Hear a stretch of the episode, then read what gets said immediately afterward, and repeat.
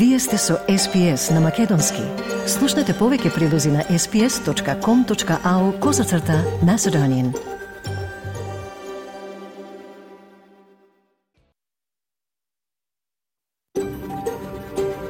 SBS, a world of difference.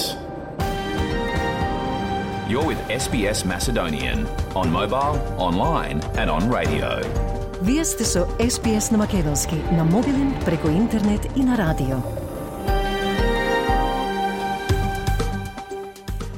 SPS им одава признание на традиционалните собственици на земјата од која денеска ја емитуваме програмата, почет кон народот Wurundjeri Woi Wurrung, припадниците на нацијата Кулен, нивните минати и сегашни старешини, како и традиционалните собственици на сите земји на абориджините и народите на Torres Strait. Добар ден, денеска е 22 август, со вас е Маргарита Василева. Повестите попшено за настаните во Македонија, каде председателот на Македонското собрание Талат Джафери по прозивката од опозицијата одговори дека имал право да ја прекине прекине седницата, а ВМРО ОДПМН вчера побара да се продолжи седницата за уставни измени. Подетално во извештајот како и за поогромното негодување околу рокот за промена на личните документи, македонскиот министер за внатрешни работи Оливер Спасовски порача дека никој нема да биде казнет ако до февруари 2024 година не ги смени документите со Северна Македонија.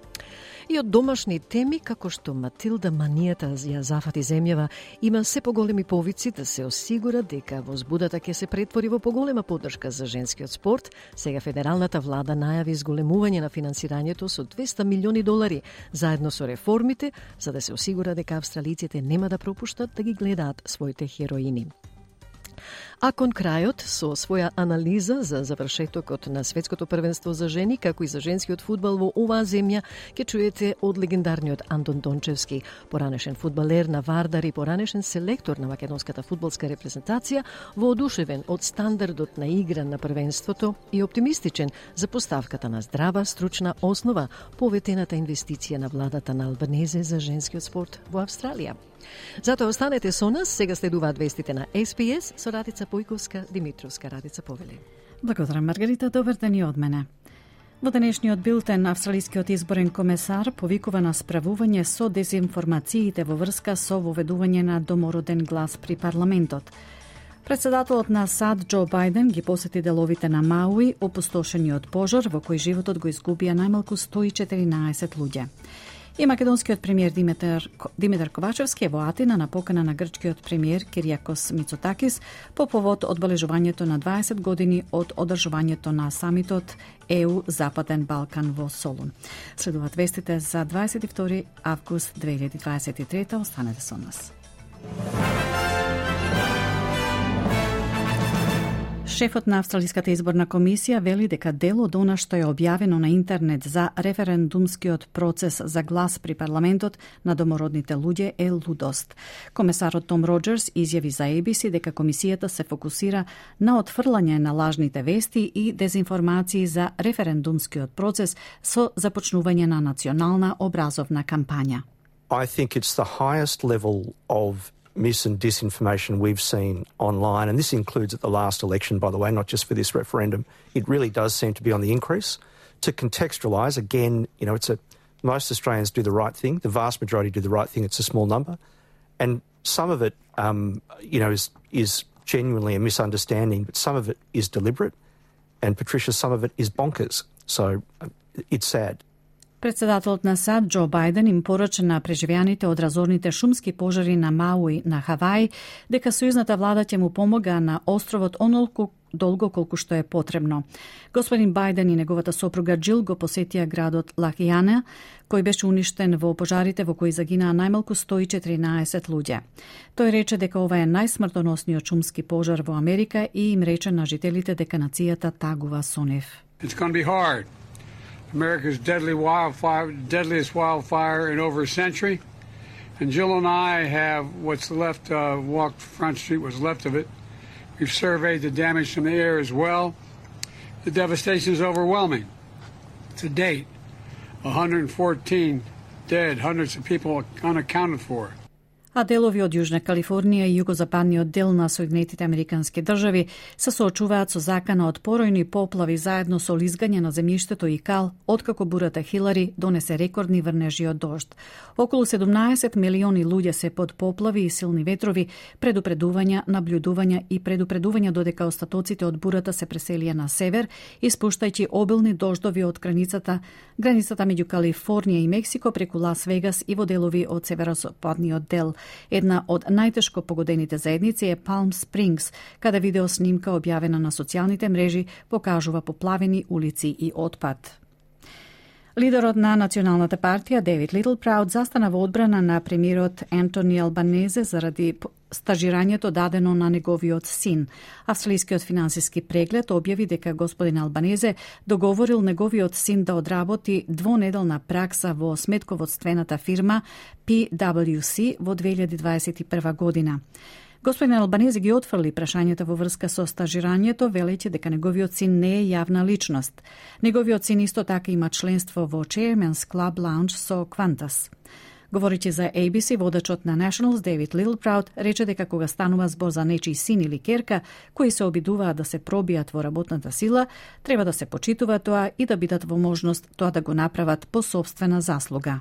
I have a real issue about us uh, and media trying to bring in family members, and it's important to appreciate the Prime Minister's um, a, a, single father, uh, and so chairmanship uh, uh, uh, membership is provided to to family members. So you just need to put everything into perspective. But when it comes to someone's uh, son or daughter that's trying to to to, um, to make their way in the workforce, they need to be respected to be able to do that in their own merit. Истражувачите од Универзитетот Дикен открија дека цената на замрзнатиот зеленчук се зголемила за 18% во изминатите 12 месеци, додека конзервираната туна е поскапа за 25%. Универзитетскиот институт за здравствена трансформација, кој што ги следи цените на 28 специфични намирници, откри дека цената на пакетот замрзнан, замрзнат зеленчук е зголемен за 30% во последните две години. Доктор Кристина Зорбас на од Универзитетот Дикен изјави за ABC, податоците покажуваат дека е време за владина акција some sort of national nutrition or food strategy and plan where we have these regular check-ins and monitoring of the system. Лидерот на опозицијата Питер Датон вели дека веројатно доживеал посттрауматско стресно расстройство како резултат на неговата работа како полицаец во Квинсленд. Господин Датон во интервју со Анабел Краб од ABC зборуваше за многу од сцените и ситуациите на кои бил изложен, величи дека не може да се живее без последиците од тоа. Do you think he did go through a sort of form of PTSD? I don't think probably every police officer does, to be yeah. honest, because I just don't think you can live that life without it having an impact on you. Or you can't and erase those images, no, right? I think that's right. Господин Датон рече дека времето поминато во полициските сили го обликувало неговиот пристап кон родителството и политиката. Грчкиот премиер Кириакос Мицотакис вети дека ќе проложи војната подршка за Украина и ќе помогне во повојната реконструкција. За време на неговите разговори во Атина со председателот Володомир Зеленски, украинскиот лидер предложил Грција да помогне во обуката на борбените пилоти на неговата земја за новите авиони од Западот. Председателот Зеленски подосна присуствуваше на неформалниот состанок на балканските лидери со највисоките представници на Европската Унија. Премиерот Кириакос Мицотакис рече дека поддршката од Грција ќе биде континуирана. Η Ελλάδα θα είναι παρούσα και στην τιτάνια προσπάθεια ανασυγκρότησης και ανοικοδόμησης της χώρας σας. Greece will also be present in the titanic effort to reconstruct and rebuild your country, utilising our great experience in the construction sector through partnerships of public and private entities. Европската еднина на регионот беше во фокус на неформалната вечера во Атина со лидерите на земјите од Западен Балкан, но и гости од Европската Унија по повод 20 годишнината од самитот ЕУ Западен Балкан и освојувањето на Солунската декларација, со што балканските држави се обидоа да се приклучат кон Европскиот блок. Меѓу присутните на настанот во организација на грчкиот премиер Кириакос Мицотакис беше и председателот на македонската влада Димитар Ковачевски. Премиерот Ковачевски во Атина оствари билатерална средба со председателката на Европската комисија Урсула фон дер Лајен, на која биле разменети мислења за најновиот развој на настаните во контекст на отпочнувањето на процесот на уставни измени во Македонија. Во меѓувреме, председателот на Демократскиот сојуз, Павле Трајанов, на пресконференција во Скопје, рече дека за уставните измени нема граѓански политички консензус, бидејќи како што посочи, цитат, тие се резултат на бугарските непринципиелни барања и надвор од копенхашките критериуми. Трајанов упати барање до фон дер Лајен да ја обврзат Бугарија да ги примени пресудите на Меѓународниот суд во Страсбур и да ги регистрира асоциациите на македонците за негување на културните, јазичните и другите идентитетски обележја. Британскиот премиер Риши Сунак вели дека сака законски измени да ги принудат луѓето да се појавуваат на суд кога ќе бидат осудени. Тој ги даде коментарите откако британската медицинска сестра Луси Ледби одби да се појави на суд за низиното сослушување за казната за убиство на седум бебиња и обид за убиство на уште 6 други. Судијата ја изрече повеќе кратни доживотни казни, што значи дека никогаш нема да биде ослободена. Господин Сунак вели дека поддржува промена на законот за да се принудат обвинетите да се појават на суд, каде ќе се соочат со жртвите и од прва рака ќе слушнат за последиците што ги имале нивните злосторства врз нив и нивните семејства. I think it's cowardly that people who commit such horrendous crimes uh, do not face their victims and hear firsthand the impact that their crimes have had on them and their families and loved ones. Now, we are looking uh, and have been at changing the law to make sure that that happens, and that's something that we'll bring forward in due course. Повторно во земјава, владата на Нов Јужен Велс одлучи летово повторно да се постават мрежи за ајкули на многу плажи во државата. Секоја година 51 плажа помеѓу Стоктон во Ньюкасл и Јужен Волонгонг се поставуваат мрежи од септември до април за да се заштити јавноста од ајкули. Премиерот Крис Минс вели дека алтернативните технологии не се добра замена за мрежите за ајкули.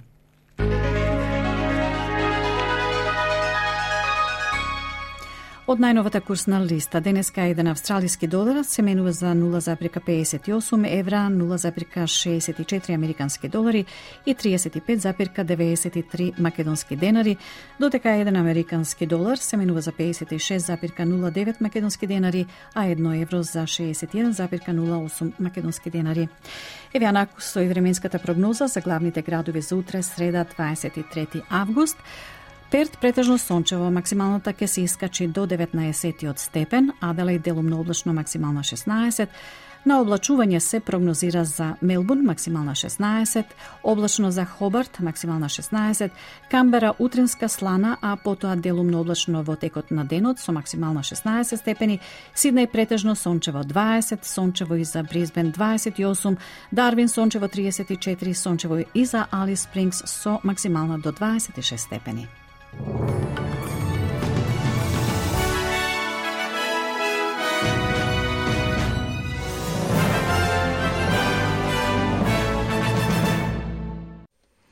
Благодарам, Радица. Вие сте со СПС Audio на Македонски, со вас е Маргарита Василева. Билтенот вести на СПС за 22 август со Радица Бојковска-Димитровска ќе биде достапен на нашите веб и фейсбук страници подоцна во денот, заедно со денешната програма. По пораките следува извештаот од Македонија. Останете со нас. Ја следите програмата на SPS Audio на Македонски со Маргарита Василева. Извештајот од Македонија покрива повеќе теми. Председателот на Македонското собрание Талат Джофери изјави дека има право да ја прекине седницата. ВМРО ДПМН вчера побара да се продолжи седницата за уставни измени. Премиерот Димитар Ковачевски е во Атина на покана на грчкиот премиер Кириакос Мицотакис по повод 20 години од самитот ЕУ Западен Балкан во Солун и декларацијата од Солун заседаваше извршниот комитет на ВМРО ОДПМН, најголемата опозицијска партија ќе бара со консензус до крајот на оваа година да се одржат предвремени парламентарни избори во Македонија. Бугарскиот новинар Љупчо Нешков во разговор за БТВ емитуван во, во петокот сподели детали од разговор што го имал со, како што вели, најблискиот човек на поранешниот премиер Никола Груевски и човек што можеби, цитат, командува со македонската опозиција, затворен цитат. И по огромното негодување околу рокот за промена на личните документи, министерот за внатрешни работи Оливер Спасовски порача дека никој нема да биде казнет ако до февруари 2024 година не ги смени документите со Северна Македонија. Од Македонија денеска известува Милчо Јовановски.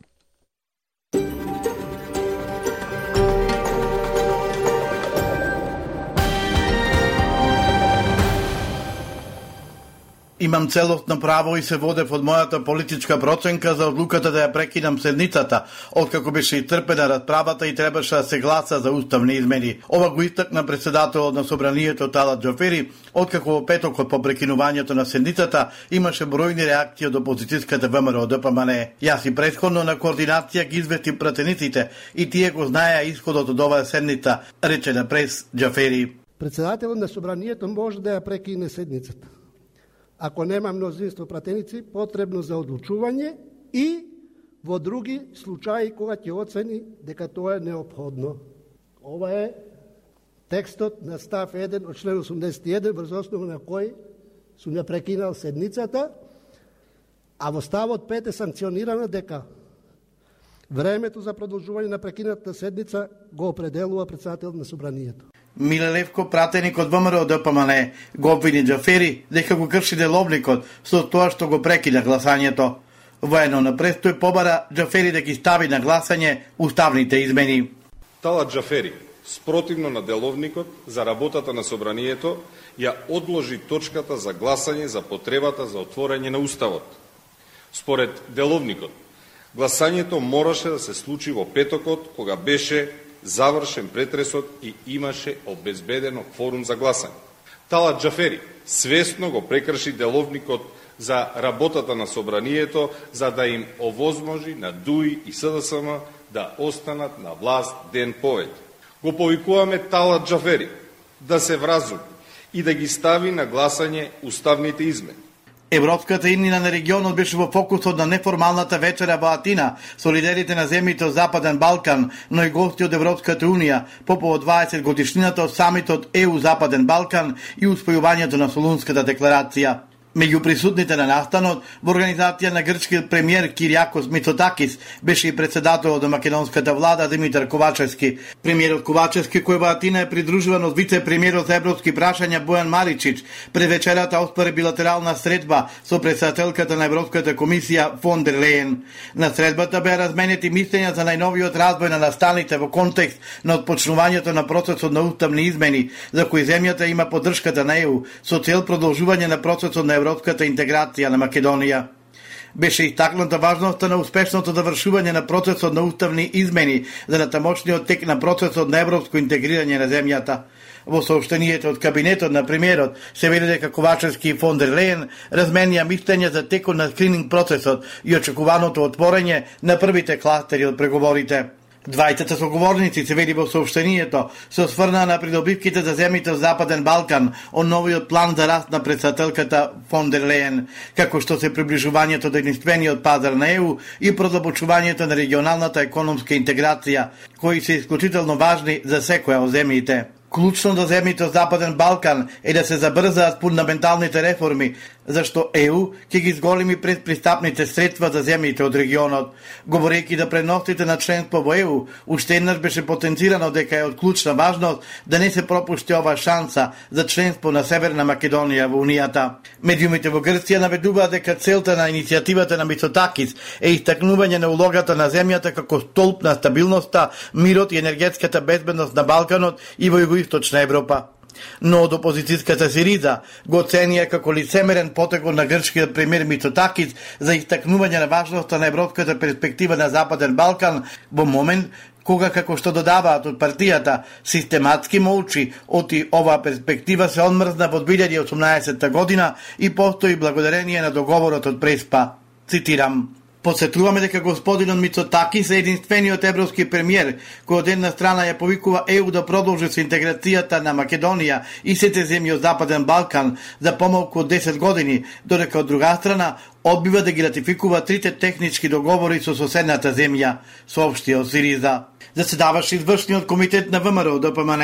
Антонио Милошовски, пратеник и член на комитетот, во изјава за медиумите истакна дека на седница на извршниот комитет уште на првата точка се разговарало за актуелната политичка состојба, поврзана со предложените владени уставни измени во собранието и дека опозицијската ВМРО ДПМН во прв план го става барањето за предвремени парламентарни избори во Македонија, што би се случиле до крајот на ова 2023 година. Оваа власт е делегитимирана. Легитимитетот на СДСМ и ДУИ не само во однос на уставните измени, но исто така во економијата, образованието, пензионерите, студентите, стопанството е целосно нарушена не нудат решенија, создаваат повеќе проблеми и затоа сметаме дека излезот од ваквата состојба би биле предвремени парламентарни избори во текот на оваа година. Тоа би требало да се договори со консензус, сите политички партии да ги надправат во најкосможен рок потребните измени и дополнувања на изборниот законник и да одиме на избори за да може граѓаните кои што го носат суверенитетот да ја донесат одлуката за решенијата за ваквата проблематична состојба во која што власта ја донесе Македонија. Новинарот од Бугарија Љупчо Нешков во разговор за БТВ емитуван во петокот сподели детали од разговорот што ги имал со како што вели цитирам, најблискиот човек на поранешниот премиер Никола Груевски, завршен цитат, и човек што може би, цитирам, командува со македонската опозиција, завршен цитат. А за ова известуваат речиси сите веб портали во Македонија. Нешко во интервјуто за БТВ вели, цитирам, пред два дена, на 16 август, кај мене беше можеби човекот кој командува со опозицијата во Македонија и најблискиот човек на Никола Груевски. И во нашиот разговор за тоа што треба да се случи, дали треба да се поддржи, тој со тако бес и жестина повикуваше на избори и распуштање на парламентот, што во еден момент не слушаше никакви аргументи. И кога го праша што ќе се случи во моментот кога вие ќе бидете одделени од Албанија, тој кажа дека две години ќе играме така, а потоа ќе ја смениме плочата. Таа плоча не е македонска, таа плоча е туѓа и Македонија и македонските политичари и македонските власти не треба да дозволат еден човек од опозицијата да ја решава судбината на земјата за децении и нанапред. Вели Нешков. Нешков Во интервјуто вели дека опозицијата нема аргументи, пренесуваат македонските медиуми детали од видеото на БТВ. Цитирам, Македонската опозиција зборува за бугарски диктат, за бугаризација, за албанизација, зборува сега заедно со Вучич во еден глас. Тоа не се аргументи во корист на Македонија. Опозицијата во моментот штити туги геополитички интереси, вели Нешко за БТВ. И покрај тоа што првиот слободен термин за фотографирање на лична карта и пасоше во декември, министерот за внатрешни Оливер Пасовски пред медиумите уверува дека МВР има капацитет до февруари едната година да ги промени документите за сите граѓани кои ги имаат со Република Македонија. Проблемот според Пасовски бил во тоа што многу луѓе не ги почитувале термините и правеле проблем во системот. Ние веќе во, во петокот одржавме еден, една работна средба, инаку на дневно ниво со тоа а, работиме, а ке имаме наредни веденови одредени предлози кои што исто така ќе помогнат во релаксирање на цели, целиот тој, тој систем. Ако погледнеме до сега, скоро околу милион граѓани ги смениле своите документи, значи динамиката е, е добра и секако дека со една добра организација ќе може успешно да заврши целиот тој процес. Спасовски пред медиумите не одговори конкретно дали се документи со Република Македонија ќе може да се гласа на избори, на пример, но веде дека правата нема да им бидат ускратени. Министерот Спасовски уверува дека казни нема да има. Според оваа динамика која што имаме, ќе се успее успешно да се завршат сите тие промени на личните документи.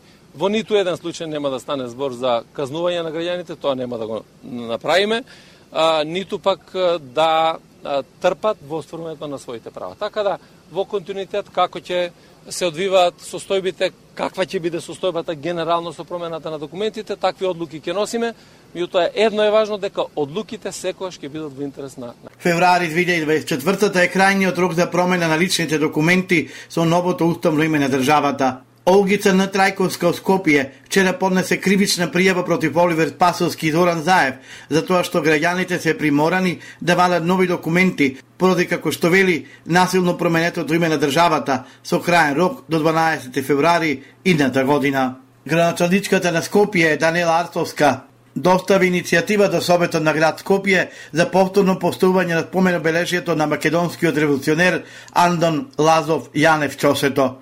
Спомен обележието ќе добие нова локација која ќе се наоѓа на крстосницата помеѓу булеварот Александар Македонски и булеварот Беласица, североисточно од кружниот тек се работи за исклучително важна историска личност и еден од најголемите македонски револуционери, чиј споменик неправедно и шверцерски беше отстранет од предходното градско раководство, се наведува во сообщението од град Скопје. Оттаму додаваат, нема да дозволиме споменикот на македонскиот револуционер да раѓосува по магазини, затоа апелираме час поскоро ова точка да биде ставена на дневен ред во собетот на град Скопје и веднаш да биде изгласана. Се вели во сообщението од град Скопје.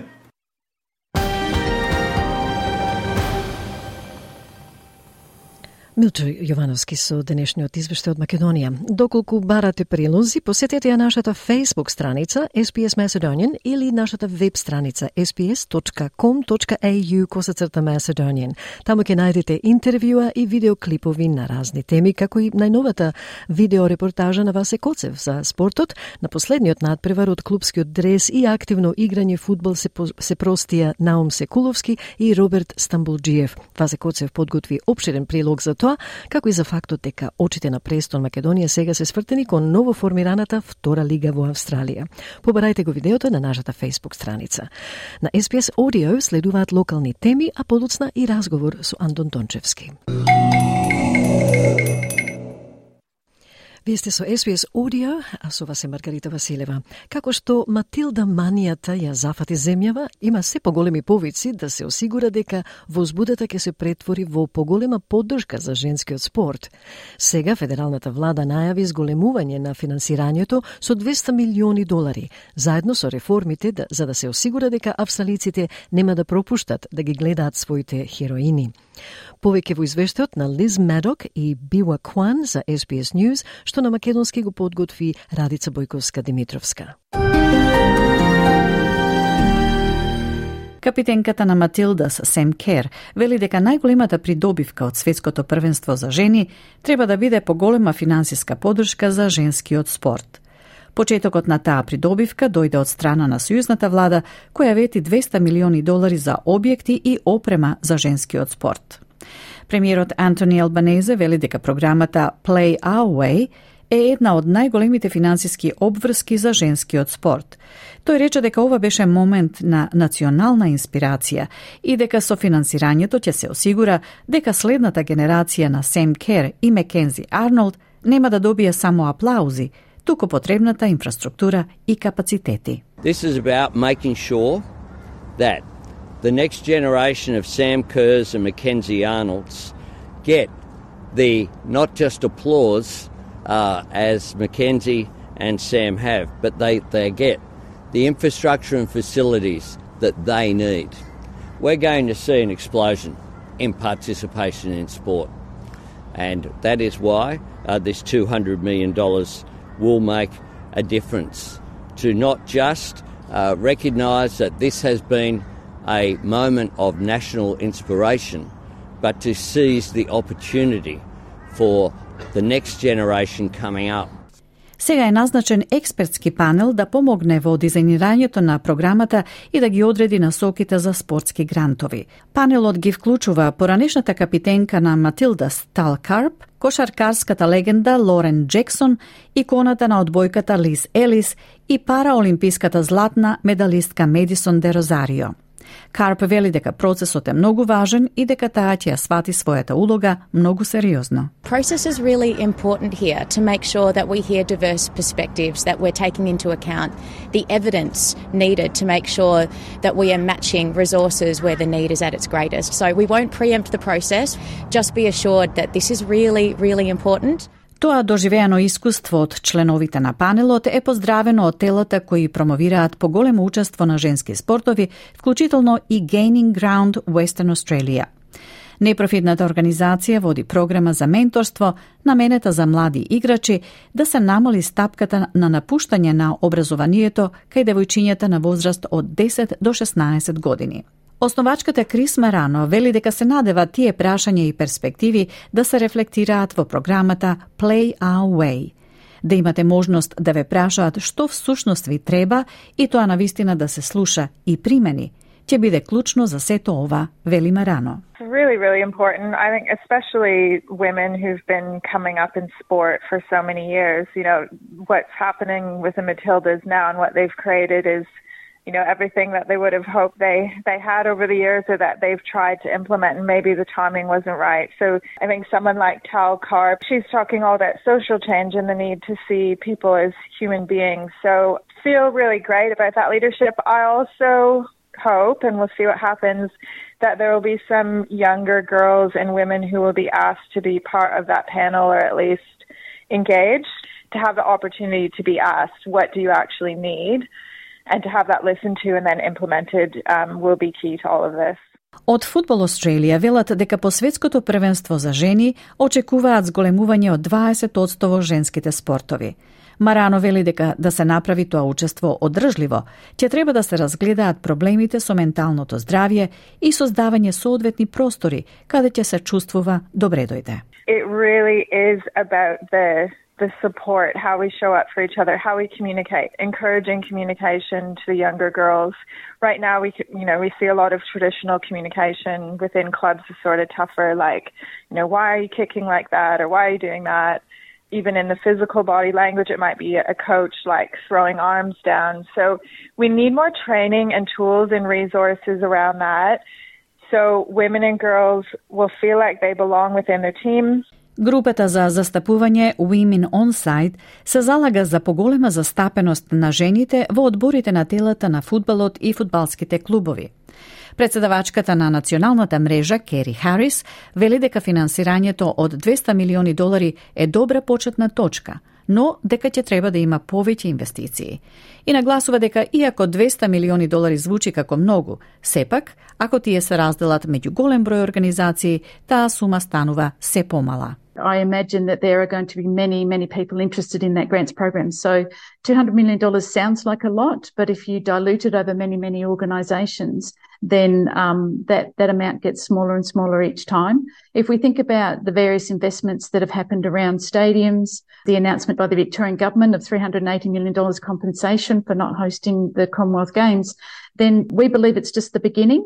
Um, and it ought to be the foundational start of some really serious investment into women's football and women's sport more broadly. Ефектот Матилдас може да го зголеми учеството во фудбалот, но нивното влијание се чувствува низ кодовите. Поранешната австралиска крикетерка Мишел Гозко вели дека сега сите зборуваат за Матилдите, но жените се занимаваат со спорт на високо ниво многу долго и дека таа со нетрпение очекува да го види влијанието на финансирањето врз крикетот. It's been a long time coming. Uh, everyone's jumped on the bandwagon of the Matildas, but Uh, women have been playing sport at a, a, high level for a very long time, and it's about time some money got put into grassroots and just trying to equalise the playing field. It, has been amazing, and yeah, I, I can't wait to see what transpires in the next few years. Кейси Уотсон е меѓу девојките кои ги тренира Госко. 15 годишната да девојка вели дека ужива кога ги гледа Матилдите во центар на вниманието. I feel like usually people like take there's no interest in like women's sport at all and like it's mainly about the men but like now everything's changing and just more female coaches and like more equipment and stuff like that would be great. Најавата на владата исто така вклучува заложба за развој на законодавството во наредните месеци, со цел да се даде приоритет на бесплатното телевизиско емитување на значајни спортски настани пред да влезат во сликата услугите за онлайн стриминг.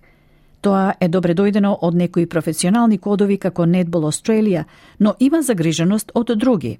Дени Таунсенд, извршен директор на австралиските професионални лиги, раководно тело за надпреварите во Лигата за мажи, Лига за жени, Лига за млади и Лига, вели дека треба да се следи развојниот пат на тие жени за да се осигура дека ќе имаат можност во иднина да станат професионални спортистки, во кое било поле што ќе го одберат. We also need to keep an eye on the development pathway for those women to ensure that they have the opportunity in the future to become professional athletes in whatever whatever field they choose. Obviously, for us, we'd love to see and ensure that the the Matildas remain competitive on the world stage for the for the medium to long term, and and I think that's something that needs to be considered when we're we're really funding um, sport at, at, at all levels.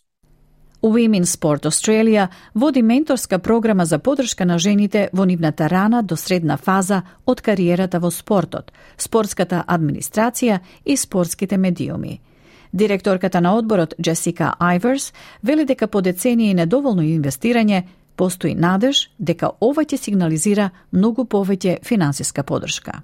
It's a definitely a good start. Um, I think it's a really great show of leadership and commitment from the government that they've said that they will commit this amount of money, and hopefully that this then starts that snowball effect of being able to, yeah, commit more money in the future from state and local governments for sure. Радица Бојковска Димитровска го пренесе прилогот на Лиз Медок и Бива Кван, тема на која коментира и нашиот соговорник Андон Дончевски, кој се надева дека дел од паричните средства од федералната влада ќе бидат насочени и кон стручни кадри кои ќе постават совршени програми за обука и тренинзи за идните фудбалски таленти на Австралија. Ке го слушнеме за некоја минутка. Сите вести прилози што ги слушнавте во денешната програма на Македонски на SBS Audio ќе ги најдете подоцна во денот на нашите веб и Facebook Facebook страници, а за прашања или коментари за било кој дел од нашата програма оставете една порака на Facebook страницата. За крај следува разговорот со господинот Андон Дончевски. Во минутите за спортот, легендарниот Андон Дончевски, поранешен фудбалер на Вардар и поранешен селектор на македонската фудбалска репрезентација, дава свое мислење за светското првенство за жени, кое што току се одржа во Австралија и Нов Зеланд и чиј нов шампион е Шпанија. Господинот Дончевски исто така дава свој предлог и за ветената парична поддршка од владата за која Дончевски смета дека поголемиот дел би требало да се посвети и на поставката на стручни екипи, ако Австралија сериозно сака да ги надгради своите кадровски капацитети и да стане уште посилен конкурент на идните светски првенства. Андон Дончевски има многу да се зборува за светското првенство за жени, за оваа неочекувана ренесанса во интересот за женскиот спорт, за иднината и како ќе се одвиваат можностите за спортистките во иднина, како и се разбира комерцијалната страна на спортот, исто и израмнувањето на неколку нееднаквости во оваа област, но синокешниот надпревар може да се рече дека беше дуел во прав смисол, во кој видовме талент, техника, креативност и многу многу пропуштени шанси. Какви се вашите впечатоци? Забелешката што ми ја кажа Маргарита е на место. Оти никогаш досега не сме виделе ваков фудбал за фудбалерки. Досега мислам дека ги подценувавме ние фудбалерките, меѓутоа овој куп покажа дека тие се на едно, да не речам, рамниште со машките. Толку се напреднати во секој поглед да на вистина човек ужива да ги гледа во нивните акции, во нивните размислувања, во нивните реализации. И затоа оваа првенство покажа дека многу напреднале во смислот што и на физички план, во смислот на техничко-тактички и на реализаторски план. И одма да речам, не е одма дека овој куп што се одржа во Австралија го крена нивото на спорт и не е случайно преминистр што даде 200 милиони долари да. за да изедначе можностите, фасилити на жените за да може да спортуваат. И затоа е ова ќе остане за нас, Австралија, моментално зборувам, ова е најголем успех заради тоа до сегашните надправили и наши настапи на овие купови сме доаѓале до четврт финале. Овој пат дојдовме до полуфинале, е сега немавме, за малку немавме среќа, ја мислам несретен беше тој пенал може и престрого досуден, што го изгубивме на преварот, меѓутоа бевме на рамниште за трето место. Да. Меѓутоа, во фудбалот и тоа бидува, и тоа се случува, да, да, непредвидлив и затоа и народот оди да го гледа. Оти однапред многу е тешко да се предвиди кој ќе победи и како ќе се одвија на преварот. Меѓутоа, овој пат ние се покажаме на една војсина и јас се надевам дека на наредното куп преварување дека ќе имаме подобри резултати. Тоа значи дека ќе се замешаме во првите две или три репрезентации. Да. Важно е да кажам дека ние ја победивме на Франција не заради тоа што на пенали ја победиме со 7-6, туку ние цел надпревар се носевме со неа, а Франција една од тие врвните светски репрезентации на женскиот спорт, на фудбалерките. И затоа овој показател е многу важен за нас и за спортот во Австралија и мислам дека ќе биде сега уште помасовно учеството на наши млади фудбалерки бидејќи чим се спорат услови за тренираат и за да играат и оној мит дека се, ако се понежната страна, покажа овој пат добри надпревари, добри дуел игри, надпреварувања кои што навистина би сакале и на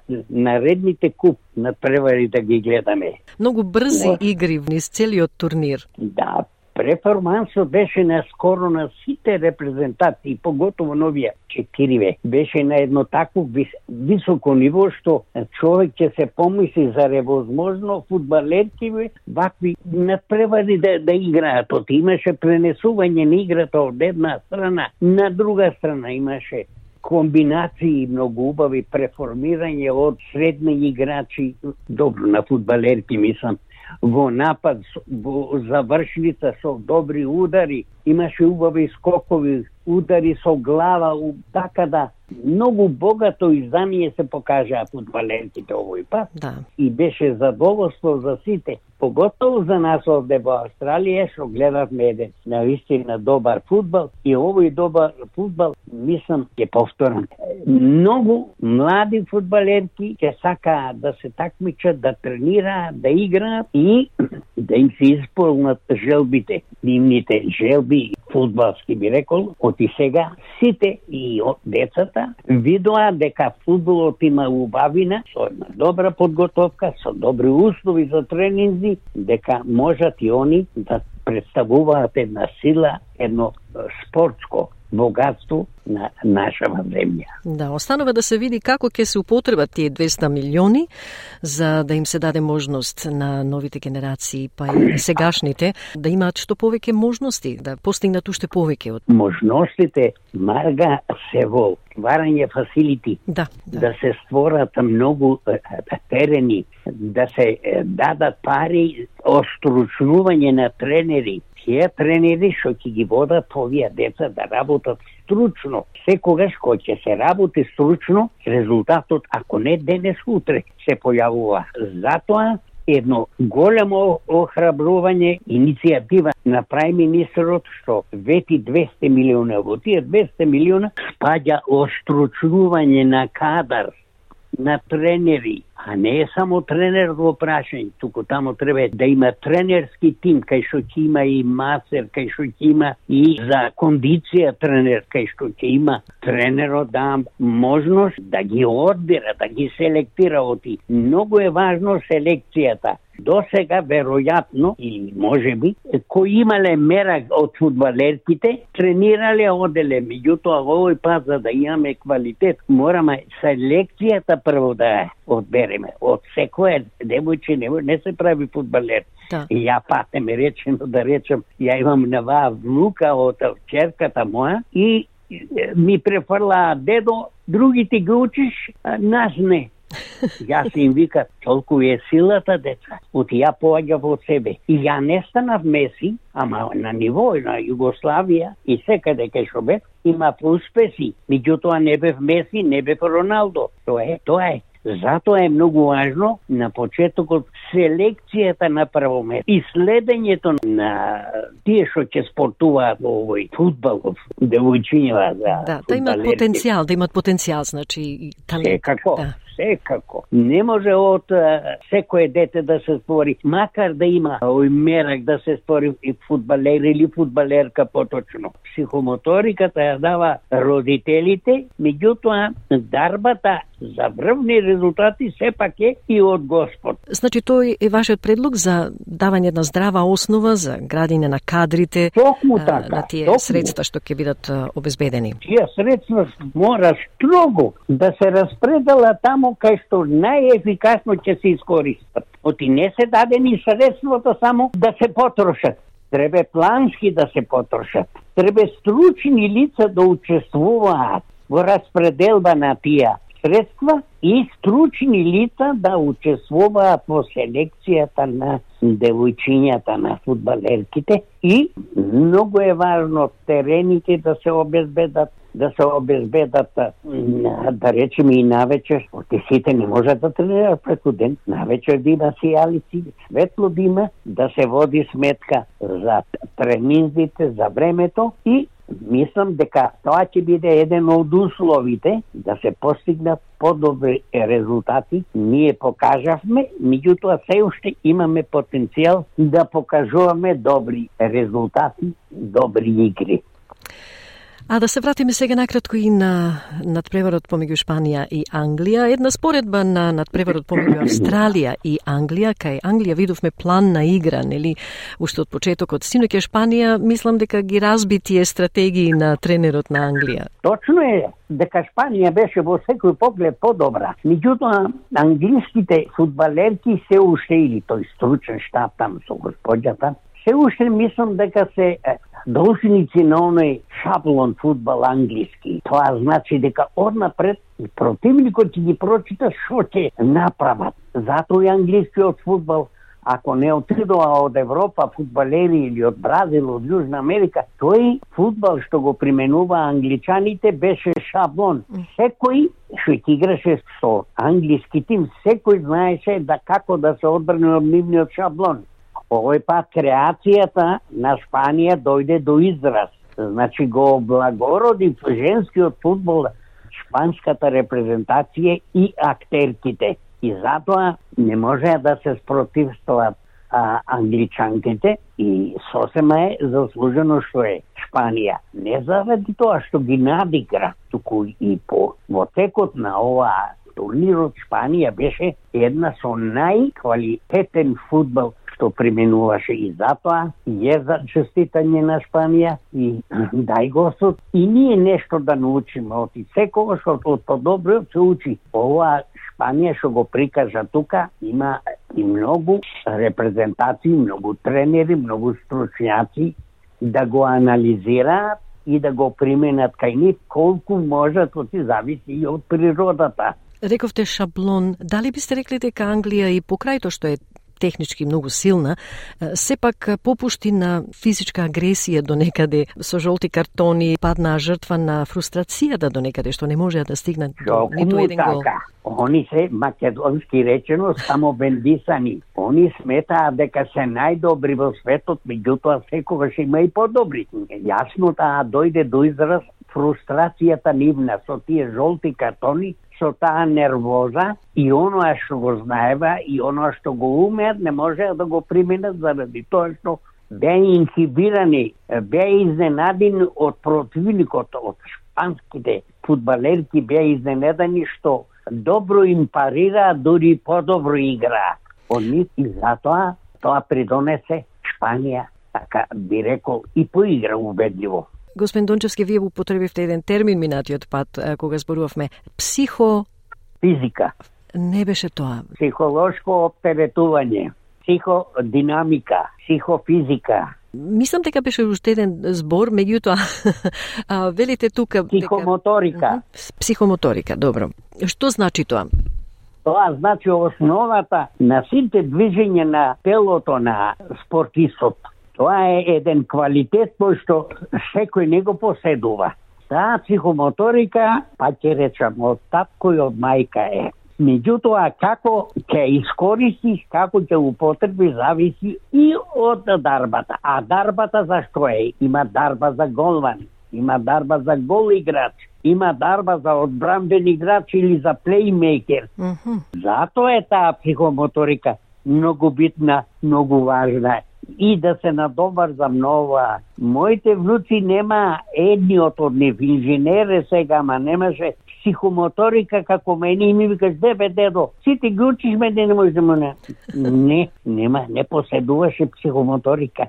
Многу беше умен за, за факултета, меѓутоа за футбол не па на крајот на краиштата, па по тоа и се разликуваат фудбалерите, квалитетот од таму доаѓа. Еден од критериумите на квалитетот на фудбалерот, фудбалерката е, е таа психомоторика. Господин Дончевски, останавме со ултра високи надежи за женскиот фудбал, па и спортот воопшто во, во Австралија. Како што споменавте, преминистрот вети 200 милиони да. долари како инвестиција за идните генерации. Останува да, да, да видиме како ќе ќе се одрази тој фонд на како идните генерации, бидејќи сите едва и чекаме за да. следното светско првенство. Е како? Меѓутоа, овие настапи наши даваат една голема надеж дека на наредното светско првенство сепак имаме и подобри игри, поквалитетни игри и подобри резултати. Значи, една кратка оценка за, за тоа што го видовте низ целиот турнир. Многу е, на, многу е напредна футболска и футбалерките. Прво дошла до израз селекцијата на тренерите, потоа стручната способност на тренерите. Така да, ова што го прикажуваат децата, е следствие на стручна работа и тимска работа на тренерот. Сам тренер не може да опосети, мора да има тим околу него. Да, ниту пак сам играч, нели? Ни сам играч. Па сам играч само може да се боксува и да игра тенис. А ова е колективна игра. Тоа е умешноста на тренерот. Да ги распореди играчите на кое место најмногу може да придонесе. Оти во колективот треба да се распоредат убаво фудбалерите на кое место најмногу одговара и кој тимски играч. Индивидуалец, е тоа се раритети. Те Роналдо, те Меси. Меѓутоа, една птица не чини пролет. Затоа, многу деликатна, стручна работа. Квалификувани тренери мора да бидат. И, да не заборавиме, потенцијалот е кај играчите, меѓутоа, максимално да им го искористиш потенцијалот. Господин Андон Дончевски, ви благодарам за вашата стручна анализа денеска и да се надеваме дека големиот интерес во женскиот фудбал ќе помогне и во изедначувањето на платите на жените фудбалерки. Секако. Му благодариме на господинот Андон Дончевски што со толку голем ентузијазам прифати покана од нашата програма да даде своје мислење за женскиот фудбал и за светското првенство 2023. А сега, кон крајот, да се подсетиме и на главните вести на СПС. Австралискиот изборен комесар повикува на справување со дезинформации во врска со воведување на домороден глас при парламентот. Председателот на Соединетите Американски држави Џо Бајден ги посети деловите на Мауи опустошени од пожар во кој животот го изгубија најмалку 114 луѓе. И македонскиот премиер Димитар Ковачевски е во Атина на покана на грчкиот премиер Кириакос Мицотакис по повод одбележувањето на 20 години од одржувањето на самитот ЕУ Западен Балкан во Солун.